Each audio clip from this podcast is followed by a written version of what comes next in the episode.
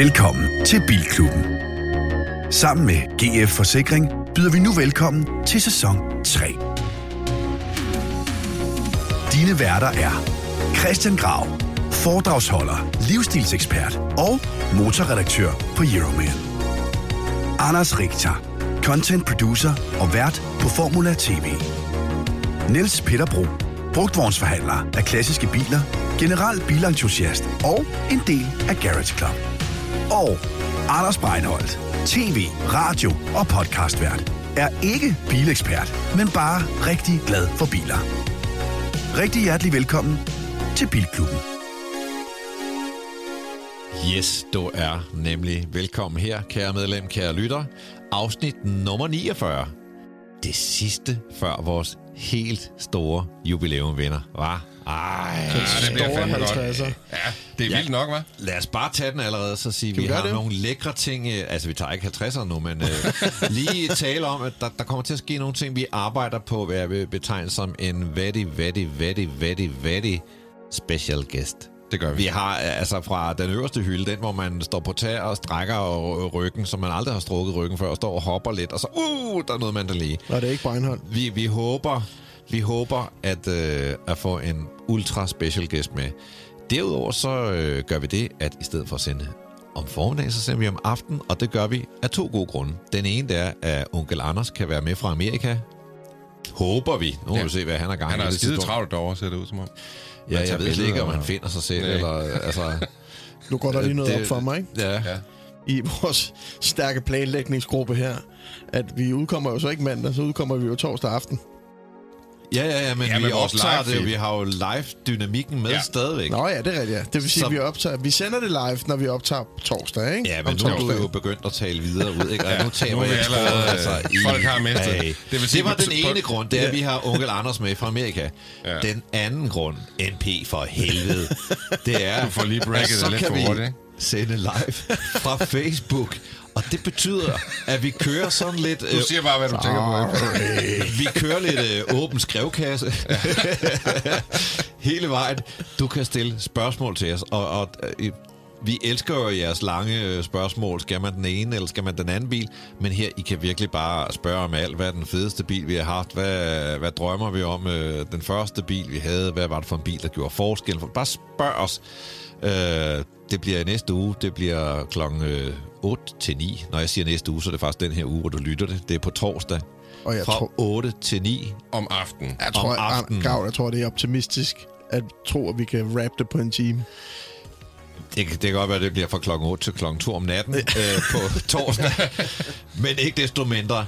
Vi håber sådan, at øh, nogle af jer vil hænge på og øh, komme med nogle spørgsmål, fordi det er jo noget af det, vi, vi godt kan savne lidt. Det er, vi elsker jo, at det er en klub, og vi har medlemmer, men, men fordi vi ikke sender live, så, så, så nogle, nogle gange, så, så er vi jo ikke helt så tætte, som vi kan være. Det bliver vi altså i 50'erne, som løber på torsdag. Det her, det er 49, og der har vi altså også øh, nogle spændende ting med. Øh, hvad glæder du dig mest til, NP? Jamen, øh, jeg, jeg skal være alvorlig i dag. Ja, Så siger jeg det bare. Det glæder jeg mig også til at opleve. Hvad, hvad, hvad siger du, Anders? Jamen, jeg glæder mig også til at være alvorlig. NP og jeg har haft øh, mange, lange, mange og lange snakke i løbet af ugen om et øh, ret alvorligt emne, som vi kommer til at tage op her senere i programmet. Forhåbentlig med en øh, backup for vores gode lytter. Præcis. Så har du oplevet det med, kære lytter. Velkommen til 49. og Richter på Jeg tror... og så er vi tilbage i studiet. Jeg troede, der kom sådan en lækker... Ja, men den kan jeg ikke rigtig finde. Det er som om... Øh, et det, eller andet, det er rigtigt. som om... Øh, ja, jeg har den her. Ja, Der var den. Du lytter til Bilklubben. Yes, sir. Men, altså, det er jo det der med at overtage en anden mands mixerpult. og nu har du ligesom været i altså- gang nogle gange, Richter, Ja. ikke? Undskyld. Jamen, jeg er ikke god. Undskyld. Grav, mm. det er din tur. Siden sidst. Vi har gemt øh, NP's siden sidst til efternyhederne, fordi øh, Ja, NP har oplevet ja. så meget siden sidst. Vi skal ikke tage hul på det nu. Vi skal tage hul på din øh, uge siden sidst, Anders Richter. Ja. Jamen, det er et, et trist øh, liv, øh, jeg lever i øjeblikket, sådan rent bilmæssigt. Jeg har bestilt fire dæk til Porsche, som nu er kommet hjem. Mm. Det er en meget stor ting i min verden. Øh, og jeg valgte jo de dyre dæk. grav, som vi snakkede om sidst, Michelin-dæk. Det er altså Nå. nogle af de rigtig dyre dæk. Ja. Øh, Så så troede dem, du ville vælge det der Contact 7 fra Continental, som er verdens hurtigste dæk. Det har du Ja, ikke fået penge Vi har været i en slags blid hypnose nede i Portugal. Jamen, altså, jeg, jeg, jeg, øh, altså, jeg tror ikke engang, det findes i den størrelse der til en hjælperen. Men jeg havde en god dæksnak med nogle af de gode folk over ved My Garage. Det, har- det har jeg faktisk gjort i løbet af ugen. Jeg har været mm. over ved My Garage øh, og optaget noget video derover, hvor jeg var over og se på øh, en bil, der var kommet ind på liften over på vores værksted. Det var en øh, Ferrari 458 Speciale, og selvom det selvfølgelig er en speciel bil, øh, så var der noget mere specielt ved den her, og det var, at det har været Sebastian Vettels. Oj. Ej. Og han er simpelthen første ejer af den her bil. Og når man er, øh, og det var da han var fabrikskører hos øh, Hvis Ferrari. du kunne vælge mellem Nigel Mansells Fiat Tipo ja, eller og det var det, det, var 458. det, jeg havde tænkt mig at spørge jer om. Men det, der er ret fedt ved den her, øh, og jeg har selvfølgelig lavet noget video, som nok kommer ud faktisk i dag, når det her program det er ude, øh, men det er, at den har nogle ret fede detaljer. Altså for det første, så står der Fettel i nakkestøtterne, og det er sådan, det, det er jo bare en fed detalje, ikke? Ligesom hans lille logo der i nakkestøtterne, og det er jo, hos Ferrari, der får du altså ikke bare lige sat et logo ind i nakkestøtten, uden sådan Ej. at tale med Big Big Boss. Øh, så har han så også sin autograf mellem, altså nede i midterkontrollen. Det er måske sådan mere, altså hvis jeg skulle køre, altså nu, jeg har ikke lyst til at køre med min egen autograf, men hvis jeg nu forestillede mig, at jeg var Formel 1-kører, så ved jeg ikke lige, hvordan jeg vil have det med at sådan køre med min egen autograf mellem sæderne. Men den fedeste detalje er, at den her 54 Speciale har gule nøgler, og ikke røde nøgler. Og der er ingen ude ved Formula, der nogensinde har set en Ferrari med gule nøgler før. Men det fik Sebastian Vettel altså lavet. Hvorfor, Hvorfor hvorfor står den øh, der? Altså, han må have skilt sig af med den. Han har skilt sig af med den, og så er der altså en øh, ny ejer til bilen nu. Den har kun haft to ejere, altså Sebastian Vettel, og så den øh, nye ejer. Som og lige nu, dansker? der står den til... Det kan vi jo ikke udtale os om ude ved Formula. Men den øh, står i man, Vejle, kunne- siger man du? kan sige, at den står i Vejle. Ja. Ja, okay. Nå, Fed, Fettel har sommerhus i vejen. Ja, den er Altså- sort, den er meget sådan diskret, øh, hvad hedder det, spækket. Jeg blev lidt nysgerrig, da du sagde, at du har haft en dæksnak. Hvordan, altså, hvordan har Nå man ja, så snakker vi det- også. det- Jamen det er fordi, jeg har altid været ud. Nu bliver det lidt nørdet, men, men på min i 96, der har jeg kørt med Pirelli-dæk. Og dem blev jeg ret utilfreds med. Hvordan, hvad, hvad var det ved dem, du ikke kunne Jamen, lide? jeg var sådan set glad nok for dækkene, men der var to ting, jeg var utilfreds med. Det, det ene var, at jeg blev ved med at få dem afbalanceret. Jeg tror, jeg har fået dem afbalanceret tre gange, og jeg synes aldrig, de kom helt i balance. Og den næste, det næste problem, jeg havde, det var, at de blev kantet ret hurtigt. Ja. Øh, og så talte jeg med Lars Paugen, som er hvad hedder det, værkfører hos øh, Porsche der i Vejle, og så sagde han, at det er fordi, de ikke er indmærket. Og så har jeg altid tænkt sådan, det der indmærke, det er sgu da bare sådan et eller andet marketing bullshit, at noget er indmærket, og derfor er det godkendt af Porsche. Men så sagde han, at når, når dæk er indmærket, så kan de tåle øh, den her vægt, der er i, en i 11. Fordi mm. bagdækkene er jo udsat for langt mere vægt i langt størstedelen af Så tiden. endet står for 9, 11. det kan vi godt sige. Det er Det er huskereglen i fandme hvert fald. lidt en gammelmands joke, det der, var det ikke det? NB, du er faldet i søvn. Jeg er også gammel. Det er virkelig Ja. kedeligt at høre jer to snakke om Undskyld, det. men nej, men det er bare for at sige, at, at øh, der er i hvert fald nogen i Vejle, der påstår, at det her indmærke, at det har en stor betydning, når det kommer til Porsche-dæk. Og øh, det begynder jeg faktisk at tænke, at det giver rigtig god mening. Og nu vil jeg prøve det af på de her Michelin-dæk, og så se, om øh, bilen kommer til at køre. Havde jeg bare vidst det, da jeg smed et par nye øh, Conti på min øh, BMW sidste år. Fordi den har jo stået, men jeg har altså så været en gang om måneden cirka har været ude at trille den. Så har trillet den ud af garagen, Ja. ja. trillet den tilbage igen. Nå, for at undgå de der kante, Ja, kante-ting. og det Man nogle kan, få sådan nogle, man kan få sådan nogle dæksko. Ja, og man kan også øh, fylde lidt ekstra luft i Ja. dækkene, når den skal ind og stå. Ja, det er også sådan et godt øh, tip at fylde. Altså hvis, jeg kan huske på min i 44, den kører med 2,5 bar, og så fylde en halv bar ekstra i, ikke? så står den på 3 bar, så lukker du det ud igen, når det bliver sommer. Gud, hvor er det kedeligt, dreng. Ja, Godt hedder det. Jeg har noget og til- nej, jeg har det noget var, til det var din uge, der er fælles fra, det Ja. det var Jeg har noget til din Er det uge, noget fordi med Nigel Mansells Nej, Tipo?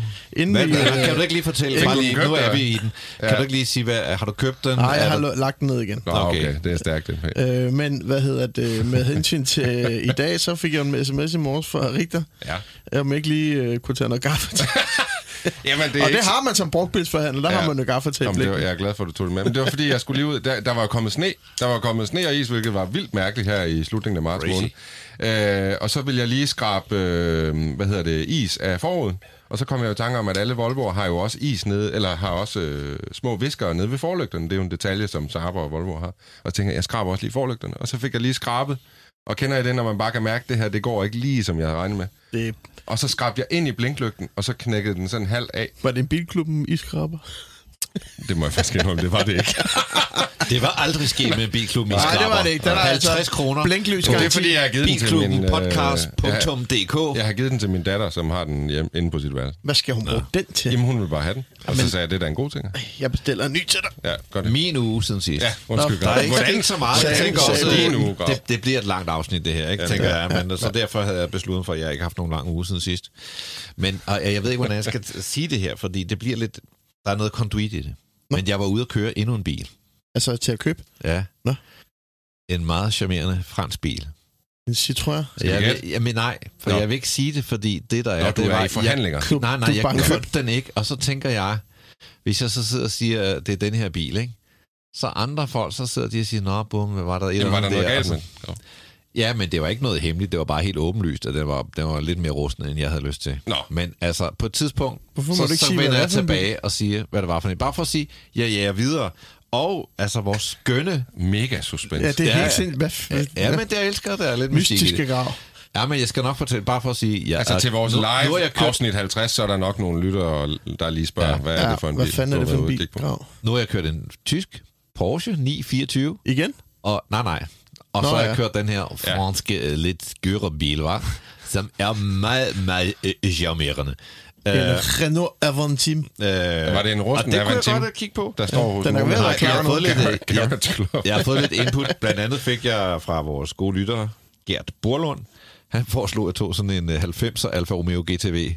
Det var, du tænker har talt om Det den så mange gange. tosset. Det er da ikke tosset. Jamen, hvor, hvor, hvor du har surfbrættet, der kan ikke engang være Nå, en ja. madkasse i den. Altså, det, det er den bil, jeg har Roof kørt med racks. det mindste. Roof. Altså, jeg så Nej, en bil... nej, jeg skal ikke have sådan en. Men det er jeg- et fedt input. Jeg elsker bilen, det vil jeg gerne lige sige, Gert. Jeg er vild med den. Det er fedt input, men, men, men Hvad med en jeg, jeg, skal have en, jeg skal have en, der, det skal være en daily drive. Det skal Hvad ikke med- være for meget pis. Hvad med en 3 2'er? Nej, nej, nej, nej, nej, nej. Må jeg nævne to biler, Ja. som jeg har stødt på i ugens løb, som jeg egentlig synes var lidt sjov. Mercedes A-klasse, den originale. Nej. Er du, helt, er du helt stået af? Det er... Jeg hader den Ja, det bil. gør jeg også. Plejer at sige, at det er en Peugeot, der har fået forkert logo Nå, men på. den er da lidt mærkelig, synes du ikke? Jo, altså, og det er mærkeligt på en Vel- dårlig måde. Er det Vente, Peter? Ja, præcis. Ja. Ja. Og næste bil, en Volvo 850. Ikke en stationcar, bare en Volvo 850. I sådan lidt Åh, oh, old school så spec. grimt. Det er, fordi din jeg far faldt har over, haft en. Jamen, jeg faldt over en i Med guld, hækspoiler. sådan guldmetal. Og det kunne jeg sgu godt øh, grav. Jeg kunne godt syg. se dig cruise jeg i synes- en guldmetallic 850. Nej, hvis Syg. det er 850 skal være en station. Når det, når det er sedanger, de der biler, så synes, bliver det det, er så så meget sirut og blød hat. Ja, altså, det, det er helt så grimt. sindssygt. En Volvo altså. Sedan. Hvem fanden kører Volvo Sedan? det er Undskyld. det Det er dem, der kører Volvo derom. uden at være kulturradikale. Det er dem, der kører Volvo og er ligesom øh, parcellister og formænd i en grundejerforening. Altså, så kører du 850 sedan.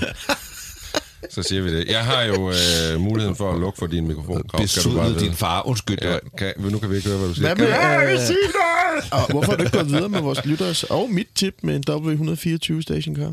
Ja, men jeg har kigget lidt.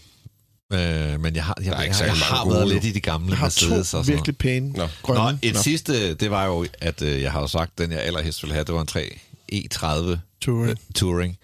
Vi har en lytter, som på et tidspunkt øh, har spurgt i brevkassen, og vi sagde, hey, køb en, en øh, E30 Touring. Han vil gerne sælge den.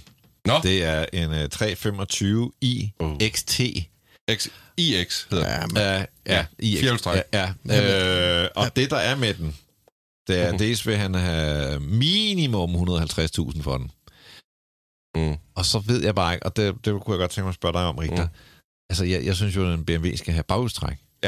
Og, og især sådan en gammel en. Hvordan fungerer firehjulstrækket i sådan en øh, 90, så den er faktisk præcis fra 1990, Altså man kan sige, det var, det var sådan set en ting, BMW kom med ret tidligt, som, som i mange år ikke har været populær, men som igen nu er blevet populær. Der, der er jo ligesom kommet lidt popularitet efter Audi slog an med quattro mm. og sådan noget, ikke? så er BMW'erne jo også begyndt at komme i de her X-Drive-udgaver. Men er der noget kult? Altså, de er jo lavet i færre eksemplarer. Altså så jeg er bliver der- nødt til at sige, personligt vil jeg hellere tage en ikke iX, altså en 325i øh, Touring, som ikke var en X, fordi der er jamen, hver gang du putter mere ind i en bil, så er der også mere teknik, du skal holde ved lige. Og de her Præcis. tidlige firehjulstræk med, altså der er jo differentialer, der er trækakser, der er alt Plus muligt. vægt. Men der er plus vægt, men plus at mange af de her reservedele er jo ikke sådan bare lige... Det du selv nævner med, at der er et lavt produktionstal, det er ikke bare lige sådan at fordele til mange af de her ting mere. Så jeg tror, man skal tænke sig lidt om. En- Men, men jeg vil sige, hvis ellers bilen er i god stand, så behøver du ikke bekymre dig så men meget. grav. Beggars can't be choosers. Altså, det er Nej, et det er marked, også det, hvor du du, ikke køber har noget at vælge. Du, er, du, der, Ja, du står med hånden fremme. Du kan jo ikke... Det eksisterer bare ikke. Det, Men hvad havde den kørt? Øh, det ved jeg faktisk ikke. Det fremgik ikke. Men, Men den man ser, kan sige, den det ser positive- rigtig, rigtig pæn ud. det ser lige så pæn ud som den, vi sad og jublede over sidste uge, ikke? Ja, men det positive ved en iX, det er, at typisk så er de her iX'er blevet solgt i Sydeuropa, hvor man ligesom har haft brug for det her firehjulstræk. Og det gør også, at du får typisk en bil, der måske ikke har set salg på helt samme måde, som de biler, vi har haft heroppe. Mm. Fordi E30'ere, de ruster altså rigtig, rigtig møg. Mm. Nu skal du spille en jingle. Ja, jeg spiller en jingle. Var det den rigtige? Nej, det er nyhedsjingle for helvede. Det sætter vi rigtig meget pris på. Har du spørgsmål eller gode råd til vores podcast? Så skriv endelig til os på Instagram eller Facebook under navnet Bilklubben Podcast. Eller du kan sende en mail på hej. Nej, det er vores outro. Ej. Nå, Jeg går nu. I skal, I skal, øh, ingen behøver at slukke for deres øh, podcast. Vi går bare direkte videre til nyhederne.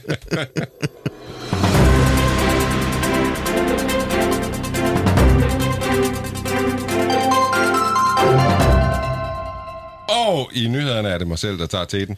Øh, jeg troede kører simpelthen, godt for jeg havde dag. det rigtige jingle Jeg sidder, det, det kan man jo ikke se. Det kan man se næste uge, når vi sender live. Ja. Men jeg sidder og laver de vilde håndtegn for ligesom at Ja, sige, ja. nu har vi kørt det her segment, nu skal vi videre. Men det er altså også vigtigt lige at pointere. I dag, der, der optager vi det ret tidligt på dagen. Og jeg må indrømme, jeg har ikke jeg er måske ikke helt vågen nok og, det skal, sådan og lige hvordan har natten Nå. været med Nej, alle det er faktisk en god nat. God nat, Grav. Men uh, tak fordi du spørger. Okay. Uh, den første nyhed, det er, at den britiske dronning Elisabeth, hun er jo øh, fyldt øh, 95 år, og hun er jo blevet noget gangbesvær. Så hun kan ikke ligesom gå rundt på Windsor Castle, ligesom hun kunne i gamle dage. Så derfor har hun købt en ny bil. Og hun har købt en dansk bil. Må jeg gætte? Øh, ja, En Fisker Ocean? Nej, en Gaia. Præcis. Dronning Elisabeth har købt den her Gaia golfvogn med plads til fire personer. Hun har så fået den udstyret med et øh, køleskab, øh, og den har også sådan en infotainment-skærm. Altså, I skal forestille jer en golfvogn bare makset helt ud øh, på, med alt det luksus, den overhovedet kan. Har du billeder? Vil du lige forklare? Nej, jeg har faktisk ikke billeder. Det er en historie, jeg har, jeg har fundet i The Sun, altså den britiske avis, og de har heller ikke billeder men, Men- af den, men de har talt med det britiske kongehus. Men kan vi ikke lægge bare på vores social media, vi lægge billeder op af en almindelig Gaia? Vil Jo, du ikke kan lige øh, f- øh, til lytteren forklare, hvad er Gaia? Jamen, Gaia er jo et dansk golfbilsmærke, øh, som laver elektriske golfvogne. Øh, og det, der så er pointen med dem, det er, at de er ultra luksuriøse. Altså, så hvor en golfvogn normalt er sådan lidt en måske en kikside. Altså, det er jo, en golfvogn er jo en lidt en mærkelig størrelse, ikke? Men Gaia, de bygger golfvogne, der både kan godkendes til at få nummerplader på, øh, men også, at, at de er simpelthen så luksuriøse, som man overhovedet kan finde dem. Så jeg har set, at man kan få sådan nogle bodykits, så det faktisk ligner en lille Ja, bil. men de har lavet nogle i samarbejde med Mercedes også, hvor det så er Mercedes' designer, der ligesom har lavet snudedesignet. Coachbæltet, øh, golfvogn. Ja, ja. Var og det de, ikke- de er altså ret populære øh, blandt øh, de bedre bemidlede Var folk, det der har øh, behov for Jysk Sengtøjslager? Var det ikke noget? Var det ikke sønnen? det, det er et dansk øh, firma jo, Okay. og der er jo... Det er så snart, man kommer i nærheden folk af bag. nogle folk fra Jysk Sengtøjslager, så bliver du helt øh, tavs og stille, og nej, så ved du Jamen, ikke man helt, hvad top. nej, jeg, vil, jeg vil bare sige, øh, vi er jo vant til ude fra mit arbejde, at der taler man jo ikke om hvem og hvad og hvordan og hvorledes. Nå, ej, hvor blæret. Men jeg kan i hvert fald sige så meget, at uh, The Sun siger, at den her Gaia, den har kostet 62.000 pund. Og det er jo omregnet altså 550.000 kroner for sådan en Hold op. Og en golfkår. Men, Men det det, er så- siges også, at dronning Elisabeth er meget glad, og hendes øh, mange korgihunde er også meget glade for at blive kørt rundt i den det er sjovt, her de har de der korgier. Ja, herhjemme, der har vi gravhunden, og i England, der er det korgier. Men det er altså primært til at køre rundt på hendes ejendomme. Ja, øh, ja. det er det. det, det er, altså, den står på Windsor Castle nu, og det er meningen, at den skal sådan set være der og kunne køre hende rundt i haven og alle de der steder, man kan. Men jeg ved fra øh, tidligere test, jeg tror, det var på Bilmagasinet en gang, at vi havde en til test, der havde nummerplader på, så det kan altså lade sig gøre at, at komme ud i trafikken med de her vogne. Kan vide, hvad der er sket med Prince Philips hybrid-serie Defender, der kørte don't ham til, til hvile. Nå ja, wow, wow. Mm. Det var min første nyhed. Ja, ja, så har jeg en, øh, en nyhed fra Korea. Nå. Vi har jo været lidt op og ringe over både øh, Hyundai Ioniq 5 og også Kia EV6. Nu har Kia løftet sløret for noget, de kalder Concept EV9. Og det er altså ikke mere koncept, end at bilen den kommer på gaden i øh, 2023, altså om et års tid. Og øh, om det så bliver en til en, den bil, de har vist nu her, men altså, de har vist en bil, som jeg egentlig faldt lidt for, fordi der er sådan noget lidt Range Rover-agtigt over den. Meget boxy bil øh, med selvmordsdør. Det er så nok noget af det, der ryger ud, når den kommer på gaden i 2023. Men øh, altså, dejlig, arrogant, kantet bil at se på. Og øh, en lidt sjov ting ved den, det er, at den er faktisk øh, ret stor. Den er 5 meter øh, lang, knap nok. så er den over to meter bred. det var et kamera, der væltede. Lige, lige ned i mixerbussen. Men hvad, Og lige en opfordring til vores lyttere. Se med på YouTube, hvor Ja. du kan følge turen fra kameraet direkte Vi- ned i jinglemaskinen. vi, vi kan også sige, at vores vi kan kamera står på nogle ølflasker. Vi har fået nye kamera, på kameraholdere her i... Jeg kan øh, så meget se den vælter igen. Ja, men jeg prøver lige at fikse det her, mens du snakker. Ja. Det- Nå, det er altså men prøv lige at tjekke den her bil. Hvad siger du? Altså, det er ret sjældent, man ser biler, der er mere end to meter brede, er det ikke? Det er den her. Jeg synes, den er mega, mega fed. Jeg så godt, der var en masse, der havde været nede og, og kigge på den. Den jeg var synes, på LA Motor Show. Cool. Det er sådan lidt øh, G-klasse møder Hummer, øh, møder en Land Rover Defender i... Jeg synes, der er Det noget Ro- Rolls Royce Cullinan over den. Ja, det er i. Ja, det er det også. Så øh, har man jo rigtig leget med det. Den skal jo ikke have nogen kølergrill. Øh, I stedet for, så har den sådan en øh, stjerne himmellygte. Det tror jeg altså ikke, de får gennemført. Men det ser meget nice ud. Ved I øvrigt, hvad Kia kalder deres øh, front? Deres designfront, hvad den hedder? Er det sådan noget shark, Tiger Shark? Eller sådan noget? Tiger Face. Du er Tiger tæt- Face. Ja. Nå, Tiger, det var jeg, tæt på. jeg kan sgu ikke rigtig se Frosty's tieren i den her, men øh, fint nok. Tiger Sådan Shark. der søger den ud inde i. Sgu en, en meget fin bil. Altså, jeg, jeg, jeg elsker, at, øh, at der kommer nogle fede ting øh, Hvorfor har de fra der de konceptbiler altid sådan et firkantet ret? Altså, det er lidt irriterende. Jamen, det er bare sådan en ting. Ja. Konceptbiler og så Tesla. Te- eller Tesla har jo ikke engang firkantet, det er jo bare uden top og bund. Men ved I, hvad der er endnu mere irriterende? Nej. Det er, hvis de gør alvor af det, og så lancerer bilen med et åndssvagt ret. Tænk på den der BMW iX, eller i10, hvad man vil kalde den, som jeg havde med, med det der åndssvage 8-kantede ret. Hold kæft. Jamen, Peugeot har jo også længe lavet 8-kantet ret, eller 14-kantet ret. Eller Ja, det er altså en mærkelig tendens. og, og at man lige skal sidde ligesom en Formel 1-bil med ligesom øh, rettet ned i skødet, og så displayet over, ikke? Vil det sige, at den næste nyhed, det er denne, som jeg nu viser jer? Mhm. Det er den nye Lotus Electra. Electra.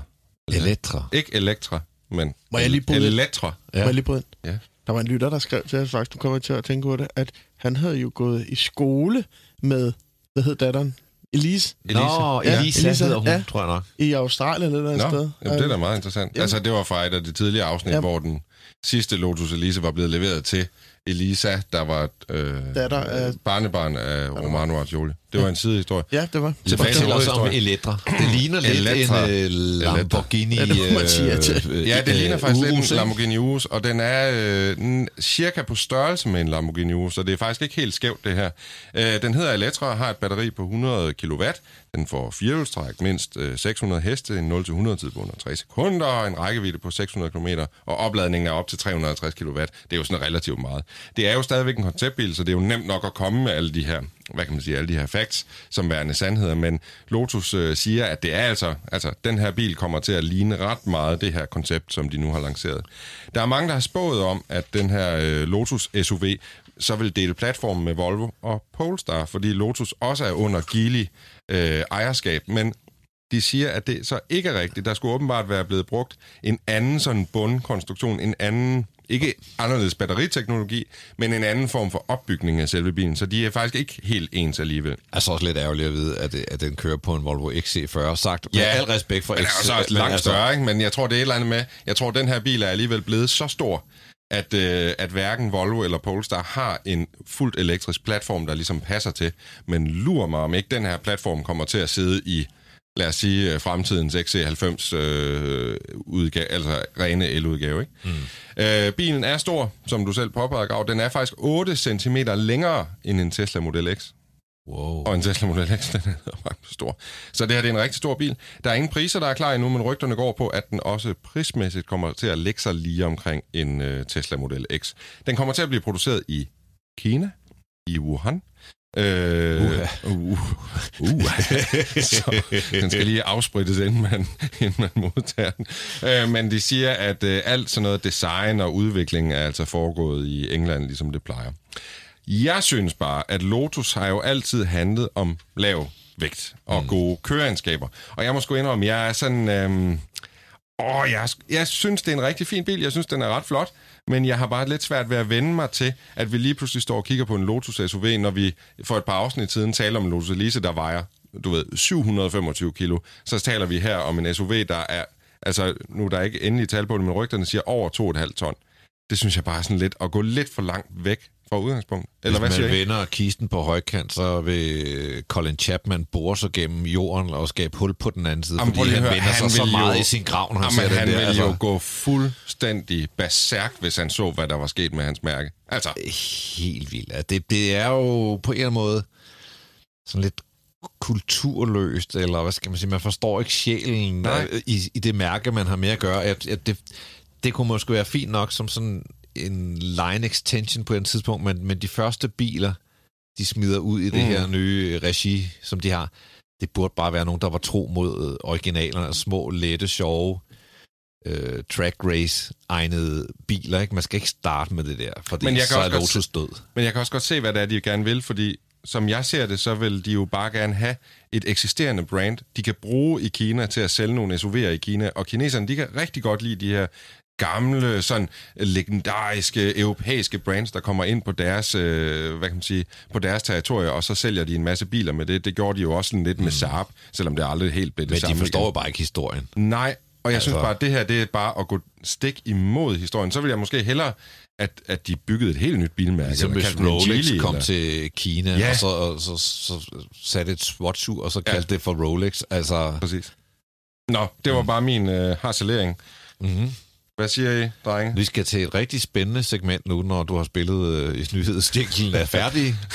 Er I klar på, at jeg spiller den rigtige jingle? nu? Ja. Yes.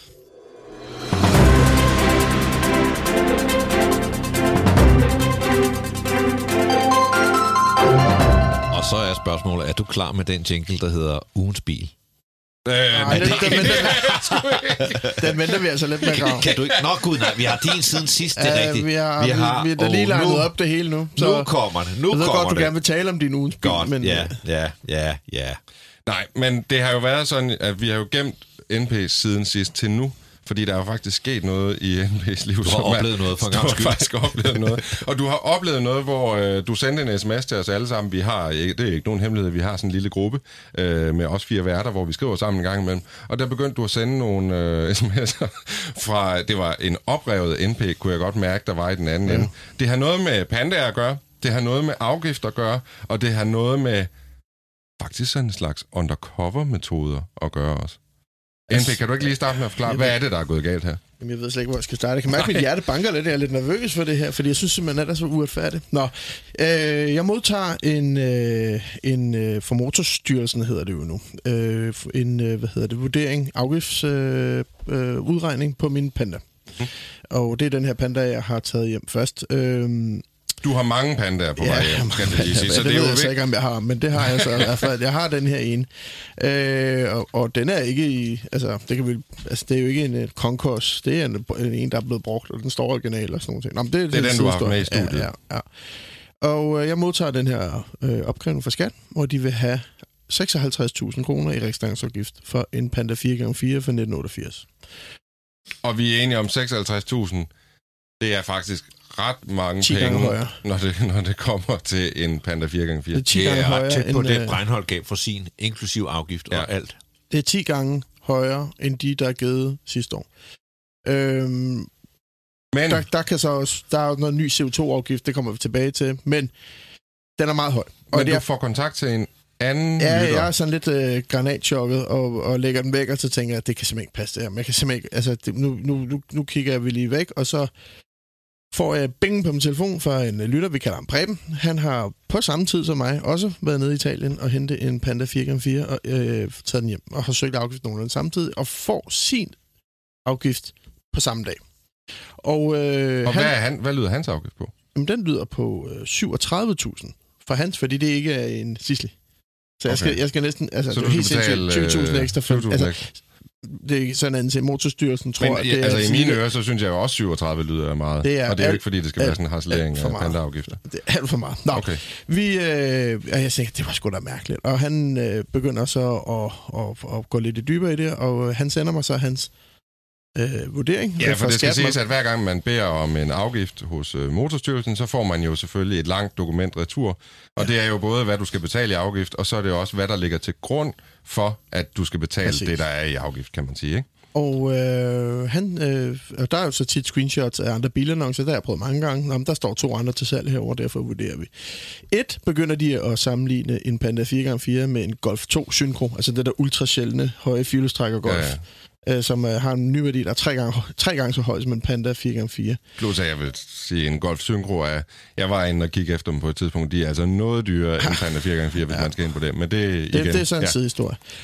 Øh, næste ting er, at i ved hans øh, begrundelse for, at de har vurderet bilen til det her, der er øh, sgu ikke bare øh, Anders Breinholds øh, Facebook-opslag med hans panda, men også øh, screenshot af en samtale med Seppo. Altså, vi er enige om, det er Sebo, som har købt... Nej, som har solgt Breinholt sin Ja. Panda 4x4. Og han har så været i dialog med Motorstyrelsen. Men vi har jo Seppo med på en linje. Er du, øh, kan du høre Seppo? Ja, det kan jeg. Okay. Hej, hej. Hej. Sebo, og velkommen til. Tak for det. Dejligt, dejligt at have dig med. Vi havde ja. ønsket, at det var under andre omstændigheder. Ja, det havde vi håbet Ja. på. Sebo, jeg ved ikke, hvor meget af det her du har hørt, men øh, jeg har tænkt mig at læse en lille korrespondence op nu, mellem, øh, Ja. angiveligt mellem dig og en anden person, øh, og vi kan jo af, af GDPR-hensyn og alt muligt jo ikke nævne øh, den anden persons navn, men vi kan jo godt nævne dit navn, Sebo. Men der er en, der skriver til dig på et tidspunkt, Hej, beklager ja. Mit mærkværdige spørgsmål, men må jeg høre, hvad din Fiat Panda 4x4 blev solgt for? Og så svarer du, Sebo, den blev købt for 60.000 kroner. Du kan høre afsnit 40 af Bilklubben for at høre nærmere om salget. Sebo, kan, kan du huske, du har haft den her øh, sådan, øh, tekstsamtale over Facebook på noget tidspunkt? Kan du huske det? Ja, det, det kan jeg faktisk godt huske, ja. Ja. Det kan jeg godt. Men Ja. den, har, den person, der skriver til dig, nævner han noget om, hvor han kommer fra? Nej, overhovedet ikke. Slet Okay. ikke. Slet ikke. Og har du fået noget at vide om, at den her samtale nu indgår i en, øh, hvad kan man sige, afgiftsvurdering af en Panda Nej. 4x4? Nej, det har jeg heller ikke. Det har du heller ikke fået Altså, noget at vide om? Jeg gik, jeg gik ud fra, at det var en, der var nysgerrig, der havde hørt, fra, øh, set, hørt om det på kanalen. Ja, men du har Ja, det aldrig det, nogensinde fået at vide, hvem den her person er, eller, eller der har heller ikke været noget efterspil, hvor han lige har ringet og sagt, Nej, hey, nej, øh, nej, nej. Men vi kan i hvert ikke. fald fortælle, at den her person, han er altså fra Motorstyrelsen, og har brugt Nå, det her ja. til at lave en afgift på en af vores andre lytteres Panda 4x4, og i sidste ende jo også brugt den her som basis på at lave afgiften på NP's Panda 4x4. Ja, og, og, se, Åh, og ja. se på det, der bliver lidt mere interessant nu. Det er, at han Ja. i den her vurdering øh, skriver, at, øh, ja, at øh, annoncen på din bil var aktiv, og den har han set, og derfor har han kunnet skrive til dig. Så vidt jeg kunne forstå på den gode her Breinholt, så har den her bil aldrig været til salg, men det har mere Nej, nej, nej. Den har aldrig været til salg. Så, Det har den ikke. og det, der er interessant nu, det er, at øh, han vedlægger også, og det her, altså det her, jeg, jeg, jeg bliver sådan helt, det, hele det ryster på mig nu. Han, Det øh, kan sgu godt forstå. han Ja. vedlægger simpelthen en, øh, et dokument på, at bilen er blevet omregistreret. Øh, og så påstår han at have set annoncen på, på Facebook, og dermed har kunne udlede, at der har været en handel. Øh, jeg udleder noget andet. Jeg udleder, at han går ind i systemet, og så udleder, øh, tjekker han, der har sgu været en handel på en Panda 4x4 her i år. Tager øh, dine oplysninger og Anders Breinholds oplysninger over i sin private Facebook og begynder at søge på det og skrive til jer. Det er sådan, jeg Ja, udleder det. det- Det lyder meget sådan, vil jeg sige i hvert fald. Det står sort på Det- hvidt, at annoncen var aktiv den og den dato. Ja, den været har slet ikke været til salg, fordi det var grunden til, at øh, Anders han ringede til mig, det var fordi, at han var blevet kontaktet af en af mine kammerater, som ved, at jeg altid ender med at sælge alle mine biler, så den var faktisk slet ikke til salg endnu. Nej. Så det vil sige, det var dig ligesom og det. Anders, I har sådan set fundet hinanden helt udenom øh, hvad kan man sige, Facebook og, og alt muligt. Men hvad Og tænker du? Ja, du siger. til dels blev jeg også lidt overtalt af Anders til at sælge. Altså, jeg var rigtig glad for, øh, Jamen, han har, for han har og alt gode det der, men, det vil jeg sige. Jamen, det er lige præcis det. Jeg synes, det var hyggeligt, og, og, og, og det var ham og alt sådan noget. Mhm. Så, så nej, det var slet ikke til salg. Jeg havde lige tænkt at beholde den lidt længere. Øh, Men nu sidder vi jo her i studiet med NP, som er meget sådan, øh, og det kommer vi til senere, hvorfor NP er så chokeret. Men hvordan har du det med, at der er nogen fra Motorstyrelsen, der skriver til dig, uden at, at hvad kan man sige, bekende kulør? Ja, det synes jeg er dårlig stil, det må jeg sige. Altså, jeg, er jeg, jeg er vant til at blive kontaktet af lidt forskellige på grund af min, min kanal, hvor, hvor folk har alle mulige sjove spørgsmål, Ja. ja. så jeg undrede mig ikke så meget over det. Mm. Jeg tænkte bare, det var måske en, der var nysgerrig på, hvad værdierne på dem Mm. var. Men, øh, Det men, var han nej, så også.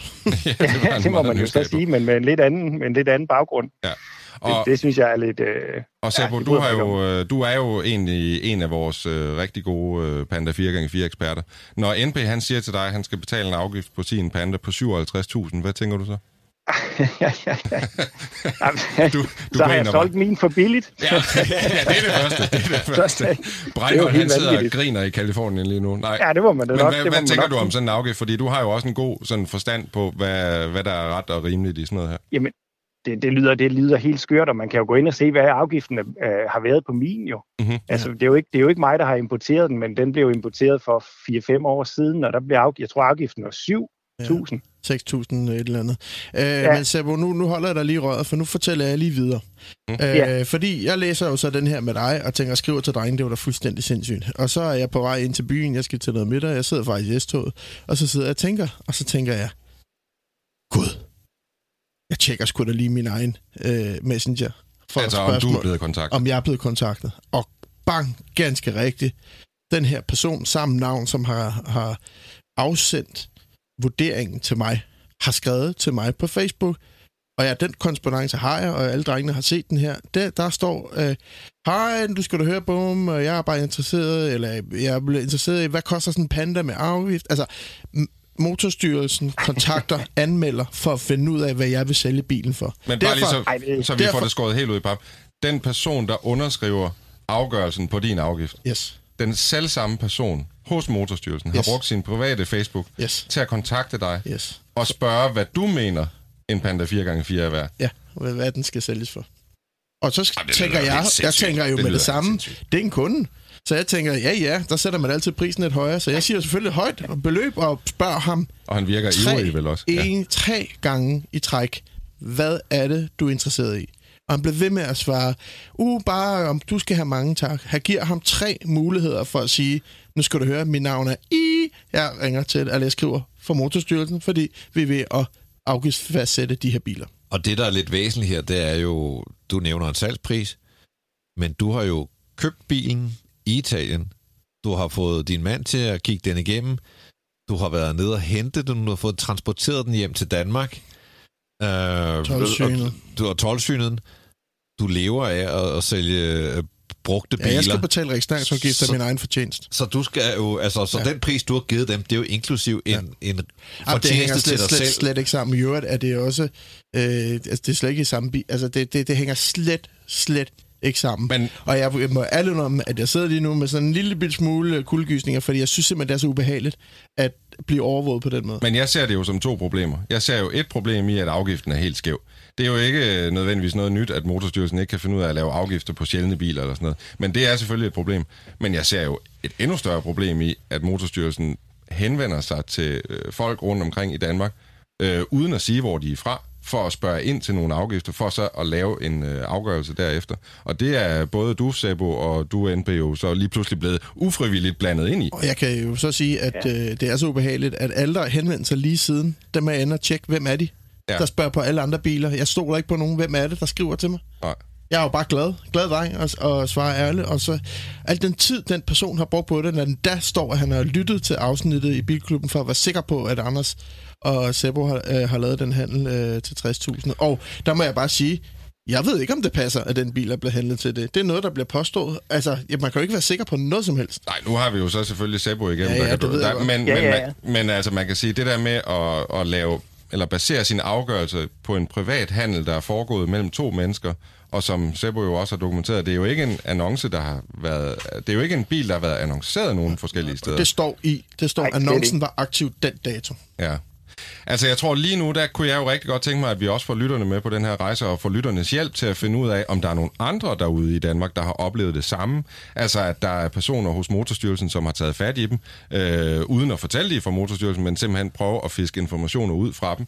Det vil Øh, vi meget gerne høre fra jer. Ja, så vil vi rigtig gerne høre fra jer. Og øh, det her, det er jo selvfølgelig øh, nogle beskyldninger, som øh, Motorstyrelsen også bliver nødt til at komme med deres modsvar på. Så i et senere afsnit har vi selvfølgelig også tænkt os at tage øh, Motorstyrelsen med på, øh, Men- på, en, øh, på en snak. Mens jeg har dig, Sebo, efter... Øh, Ja. Jeg håber, du har fem minutter. Øh, Jamen, det har jeg. Jeg græd- jeg lige er lidt målløs over det, men Ja, altså, jeg gravede, selvfølgelig lidt har jeg. i, øh, jeg gravede lidt i tingene i går, og, og ham med den anden lytter, Preben, fik jo så tilsendt med, imod deres vilje en udregning på deres CO2-afgift. Og det viser sig jo, at den er jo alt overskyggende. Øh, og øh, i aftes, der får jeg så kontakt til nogle flere, som har forsøgt sig med øh, youngtimer øh, i de her slut 80'er og få dem indregistreret. Og øh, problemet har været, eller er kæmpestort, at Motorstyrelsen ikke har et officielt tal på, hvor meget en Panda 4x4 udleder. Og øh, på ah, trods okay. af, at rigtig mange mennesker har henvendt sig til dem med øh, tallene, men de vil ikke acceptere dem. Og når øh, Motorstyrelsen ikke har det rigtige tal til at øh, øh regne CO2-afgiften ud, så indtræder deres egen formel. Og deres egen formel, at den er så sort, men vi har prøvet med en revisor i aften at sætte os ind i det, at en af de største faktorer i den her formel, det er værditab. Det vil sige, at man ganger CO2'en med værditabet. Okay. Øh, og når du de ganger så... dit CO2-tal med dit værditab på en bil. Ja. Det virker som ja, men... to ting, der bare ja. intet har noget med øh, Og det er jo, jo større værditab en bil har, jo mindre bliver CO2-afgiften. Det vil sige, at man regner, når de så siger, at min Panda skal koste 56.000 og har en markedsværdi over 100.000, jamen den koster 135 for ny, så værditabet på min Panda er ekstremt lille.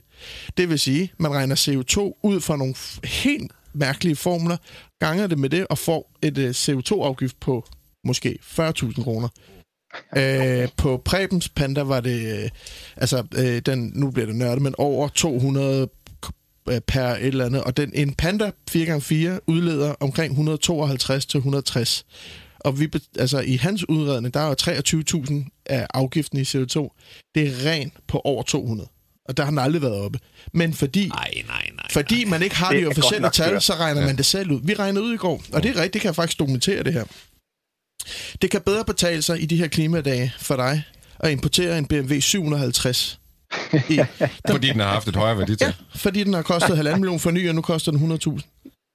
Det vil sige, det at uh, i stedet for at importere Panda med 0,9 motor, eller 1,0, så skal du importere store V8'er i stedet for, for mm. det er meget, meget billigere. Og min egen 735 BMW, jeg søgte afgift på, der var det jo med en mindre afgift end Panda. Men jeg ser bare, altså der er jo bare to grundlæggende problemer her, og det ene, det er jo, at du ved, de regler, de er jo bare helt skæve i forhold til import. Hvad, undskyld, af, altså, altså hvad, hvad, hvad er det, der foregår? Ja, men ja, også, også, også, jeg, jeg tror bare, det er mere sådan, jeg, jeg tror, jeg har altid beskæftiget mig med skæve afgifter, jeg har også altid klaget over afgifterne, når jeg har importeret noget, fordi det aldrig gav mening. Så jeg tror, jeg er bare ikke så overrasket over, at det selvfølgelig er fucked up, og men, det er helt sort. Men det er da rigtigt, at der er kommet en CO2-afgift. Det ved ja, alle. Det er blevet, jeg kan, ja, ja. Man kan ikke importere en panda mere til 6.000 afgift. Mm. Det ved jeg godt. Her, ikke? Men jeg ved fandt galme, og prøv at høre her, deres udregning siger, at min Panda 4x4 udleder mere CO2 end 911, og næsten lige så meget som en Ferrari. Oh. Det nægter jeg simpelthen at tro på. Men jeg tror... Øh, men, og de, jamen, problemet er, er, at de ikke vil acceptere det, det rigtige tal, de skal sætte ind i computeren, fordi sådan gør man bare ikke. Har de nogen idé, har de, har de nogen forestilling om, hvor langt man ville køre om året, hvis man havde en Fiat øh, Panda 4x4? For jeg tænker lidt, hvis det var mig, så ville jeg køre øh, maks 2.000 km om året i den. Altså, det er jo, det er jo så det næste. Men det, det kan være, du når jo ikke at lukke ret meget CO2, ud, du kører ikke ind. Alle vil jo mm. gerne sætte det rigtige CO2-tal ud fra nogle normer. Det må de ikke. Det er motorstyrelsen. Men jeg må sige, for at vende tilbage til udgangspunktet, jeg er i hvert fald noget indigneret, nærmest, altså på jeres vegne, over at I er blevet kontaktet. Jeg ved ikke, hvordan jeg selv vil have det med det. Jeg tror, jeg vil være rimelig chokeret, hvis... Uh... Altså, jeg synes, det var så ubehageligt, da det gik op for mig. Ja. Shit, jeg har ja, det, selv... Det må jeg nok sige. Det skal, jeg skal kontakter, være lige det, må jeg sige. At de kontakter anmelder. Ja. ja. Det er vildt nok. Helt ærligt. Mm. Men jeg tror, vi, øh, ja, vi bliver jo nødt til at runde den af og fortsætte ja. den en anden dag. Vi vil Men meget det, gerne vi... høre fra alle omkring øh, uretfærdige... Øh, altså, øh, det der med at kontakte direkte, det synes jeg er en ting. Ja. Det andet er fucked up, det er en anden ting. Men, Men jeg det tror, her, det at, synes jeg... at det vi har tænkt os, det er, lige nu der efterlyser vi i hvert fald lyttere, øh, der har oplevet det samme som Sebo og NP, altså de er blevet taget fat i af Motorstyrelsen, uden at få at vide, at det er en person fra Motorstyrelsen, mm. og, og uden at de er blevet forklaret, hvad hensigterne er. Og så lægger vi også øh, i hvert fald NP's øh, korrespondence op, vi sletter selvfølgelig navne og så videre, men så at man kan se, at at du sådan set, at du bliver faktisk ved med at spørge ind til, hvad intentionerne er med det her, så, øh, så lytterne også kan se det her. Det kan I selvfølgelig finde på vores øh, sociale medier. Sebo, Sebo, du har jo en øh, YouTube-kanal, hvis man gerne vil se lidt mere til dig, så er det Seaside Garage på YouTube, er det ikke yep. rigtigt? Du har også jo, det er det. En, det er det. en Instagram, og måske skal du lige selv sige, hvad den hedder, fordi jeg ved, der er et par stykker i studiet. Lidt som der er en motorcykelentusiast i Sverige, der er meget glad, tror jeg. ja. den hedder Seaside Garage, og så YT, altså YouTube, mm. Instagram-kontoen. Ja. Sebo, tak fordi du vil være med. Vi håber, vi kan ringe til dig en anden gang, og så håber vi det med sådan lidt mere positivt nyt. Ja, på en lidt mere hyggelig uh, anledning. Det håber jeg da også. Helt yes. sikkert. Det er godt, Sebo. Ja, det er godt. Tak hej, Sebo. Hej, hej. hej, hej. Ej, sweet. Ugens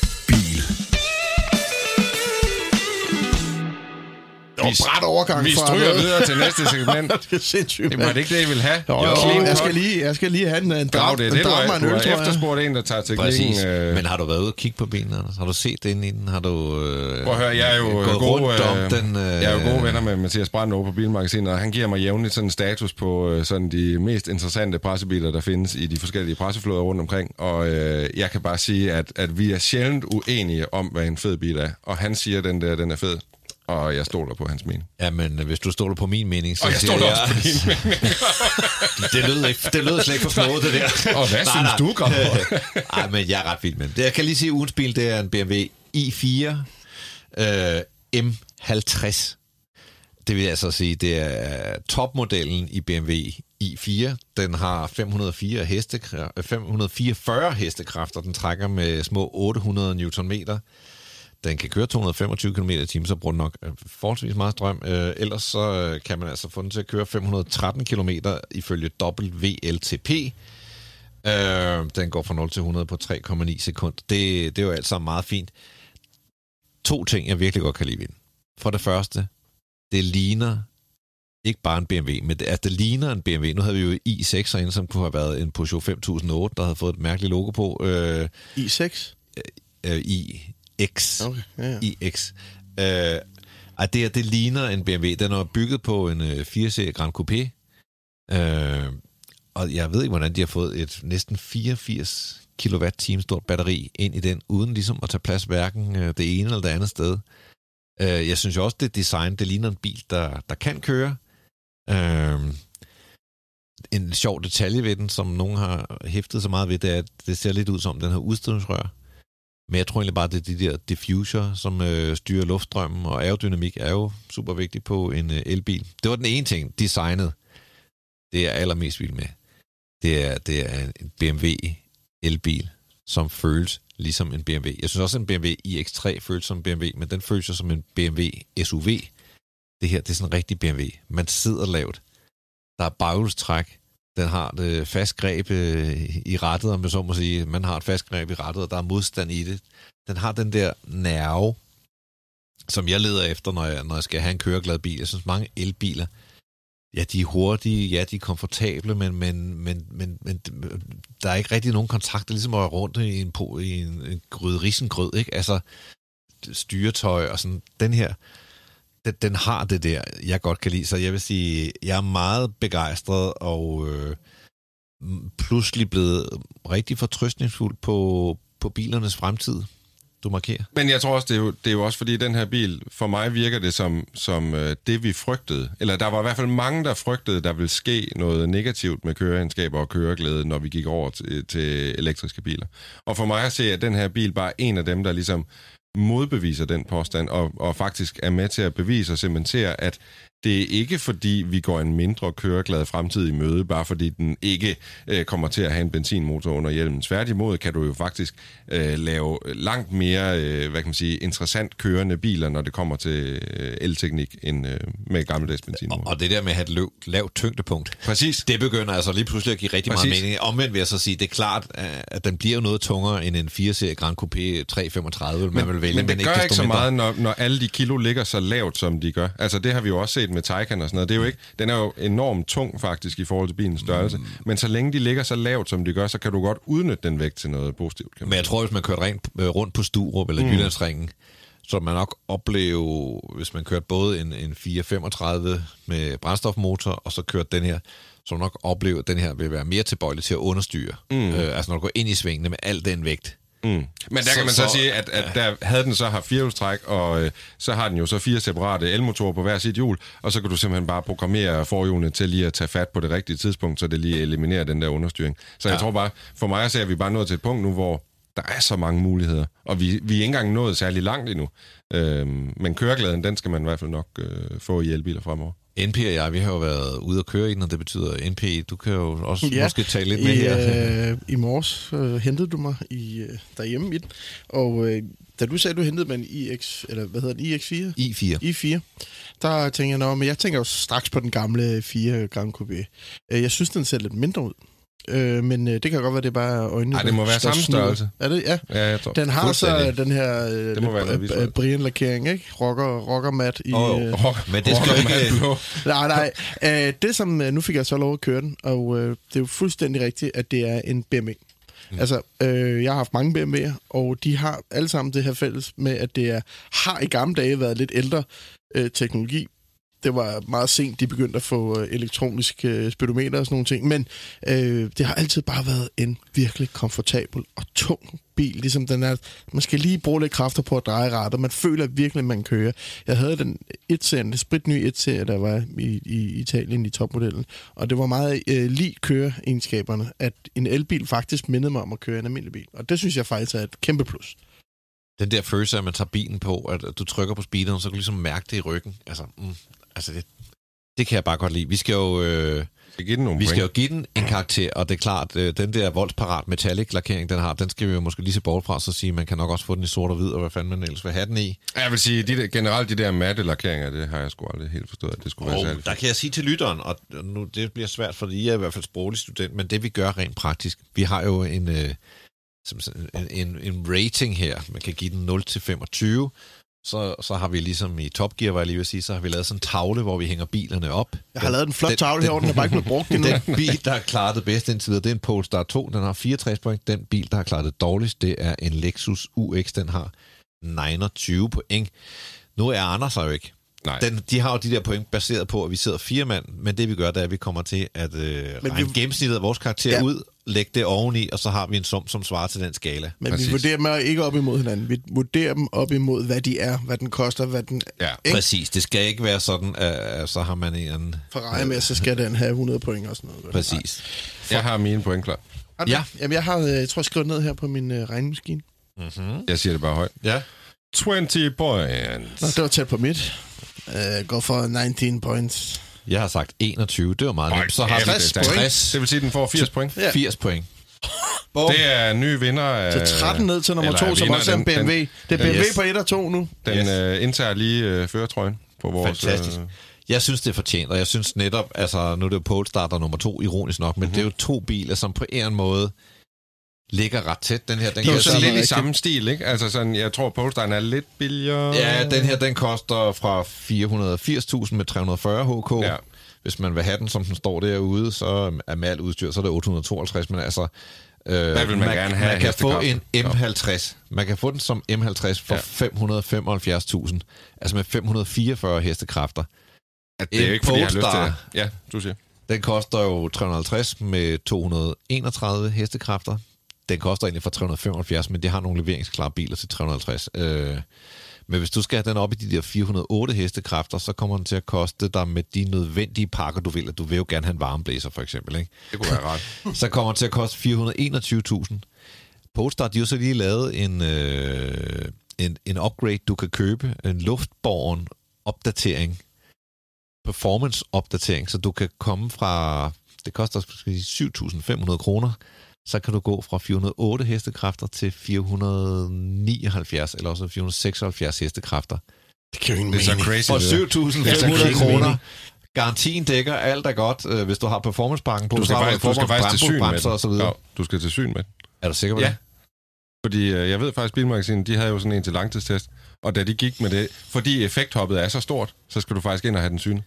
Det er jo helt skørt. Pas på, at de ikke kommer med en eller anden afgift. eller, eller skriver til dig. Det er man, kan ikke mærke, man kan slet ikke mærke, hvad humør du er i, MB. Det er, Er du for Motorstyrelsen, Grav? Eller? ja. ja, er det dig, Grav? Man kan ikke stå Eller- på det- jo. Vores venner over på High Cars, de har jo gang i en anden ting, som handler... Ej, det Ja, bliver det er langt. jo... Øh, Det er jo, det er jo motorstyrelsen, går også ud fra, som står og tjekker, øh, som Ja. stopper folk, og så finder de ud, hvor mange hestekræfter er der i deres biler. Og hvis man så har købt en bil, det kan være en Passat, Mm. man har købt, den er blevet chiptunet, så, øh, så tvinger de en ned på et autoriseret værksted og få ligesom bragt tingene tilbage i deres egen orden. Du må ikke gå ind på dit almindelige, skal vi sige, du har måske sådan en automester værksted, hvis det er en bil, der er, er oppe i orden, så går man jo tit til en uautoriseret, men god mekaniker, mm. det er slut, det må du ikke.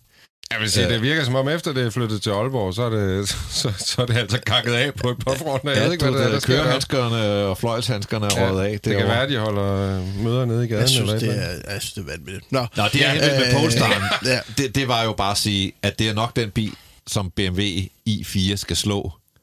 Og det kan vi så kigge op på tavlen og sige, det gør den. Polestar 64 point, Ej, det, det, det, er- det er langt BMW ned til... i4 80 point. Og med de ord tror jeg, vi går videre til brevkassen. Så er det tid til Gravs brevkasse. Du kan spørge om alt og få svar på noget. Ja, men brevkassen, den hygger sig så fint i øjeblikket. Øh, vi får nogle opdateringer, og det første, der kommer her, det er, det er noget så skørt som en opdatering på noget, vi ikke har talt om. vi har en meget entusiastisk lytter, der hedder Svend Knutte. Og øh, jeg elsker det efternavn. Øh, Det kan også være udtalt forkert, men ikke desto mindre. Vi nåede ikke at svare på det, men for noget tid siden, så skriver Svend til os, to buy or not to buy. Og så er der et link til mobile, hvor han har fået øje på en Lotus Omega. Uh, Altså, den Opel Køb, Omega med Altså, motor. den her, Køb, køb, her køb. 80'er Omega.